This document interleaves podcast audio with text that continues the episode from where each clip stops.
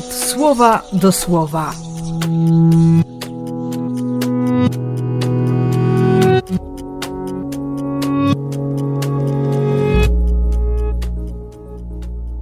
Drugi listopada, czwartek pamięci o zmarłych.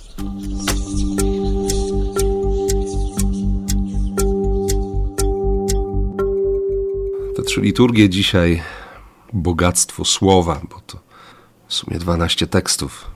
To pokazuje ogromną troskę, widzę w tym po prostu ogromną troskę Kościoła o nas, czyli o tych, którzy jesteśmy pielgrzymujący i o tych, którzy cierpią, są tym Kościołem przeżywającym oczyszczenie.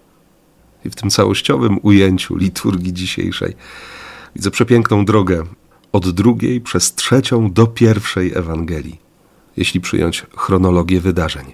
Najpierw wskrzeszenie łazarza, to uchwycenie miłością, kiedy Maria pada do nóg Jezusa, tak jak wcześniej jej siostra, ale nie ma z góry przygotowanych odpowiedzi ani, ani jakiejś konwersacji, tylko, tylko zwyczajnie, tak jak to już jest jej tradycją, pada do stóp i, i pyta: Co chcesz mi powiedzieć?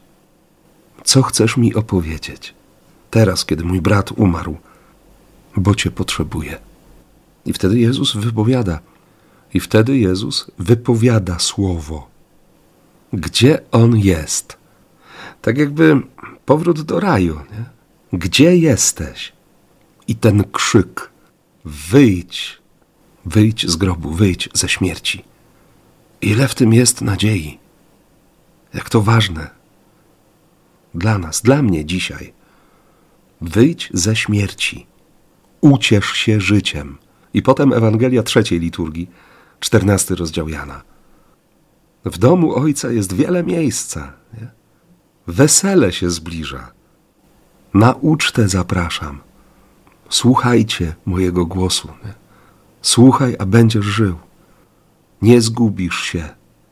Nie będziesz zwiedziony. Przyjdziemy do Ojca. Będziemy ucztować, bo to jest Ojciec, któremu można zaufać do samego końca, do ostatniego tchnienia. I ten ojciec zaoferuje i zaofiaruje nam życie. Życie na wieczność. Nie ma co szukać żyjącego wśród umarłych. On naprawdę żyje. To jest nadzieja. I dla nas, i dla tych, którzy nas wyprzedzili w tej drodze, którzy wcześniej niż ty i ja przeszli przez próg śmierci. Więc dziś również nadziei Ci życzę i życia na wieczność. I błogosławię w imię Ojca i Syna i Ducha Świętego. Amen.